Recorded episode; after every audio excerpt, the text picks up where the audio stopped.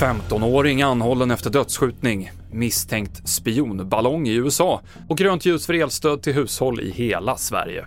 Vi börjar med mordet i Skogås söder om Stockholm i lördags då en 15-årig pojke sköts till döds inne på en restaurang.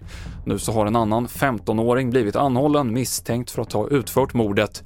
Sen tidigare sitter en 17-åring häktad misstänkt för medhjälp.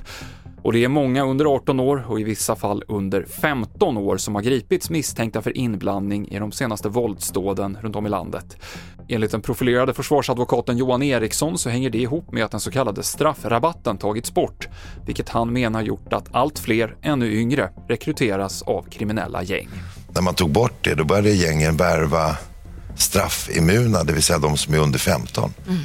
Och då kan man ju säga det, du behöver inte vara orolig. Alltså det värsta som kan hända är att det kommer en sostant.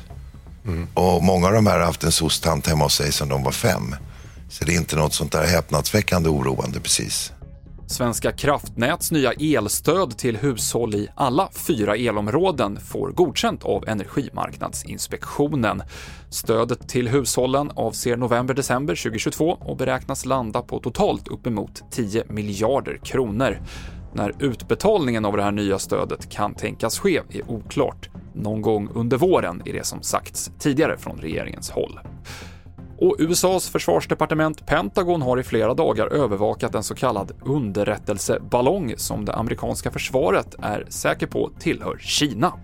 Under veckan så flög ballongen över Montana i nordvästra USA där en militärbas med kärnvapen finns, vilket fick Pentagon att skicka upp två stridsflygplan. Kina säger att man undersöker vad det är som skett. Det avslutar TV4-nyheterna. Senaste nytt finns på tv4.se. Jag heter Mikael Klintevall.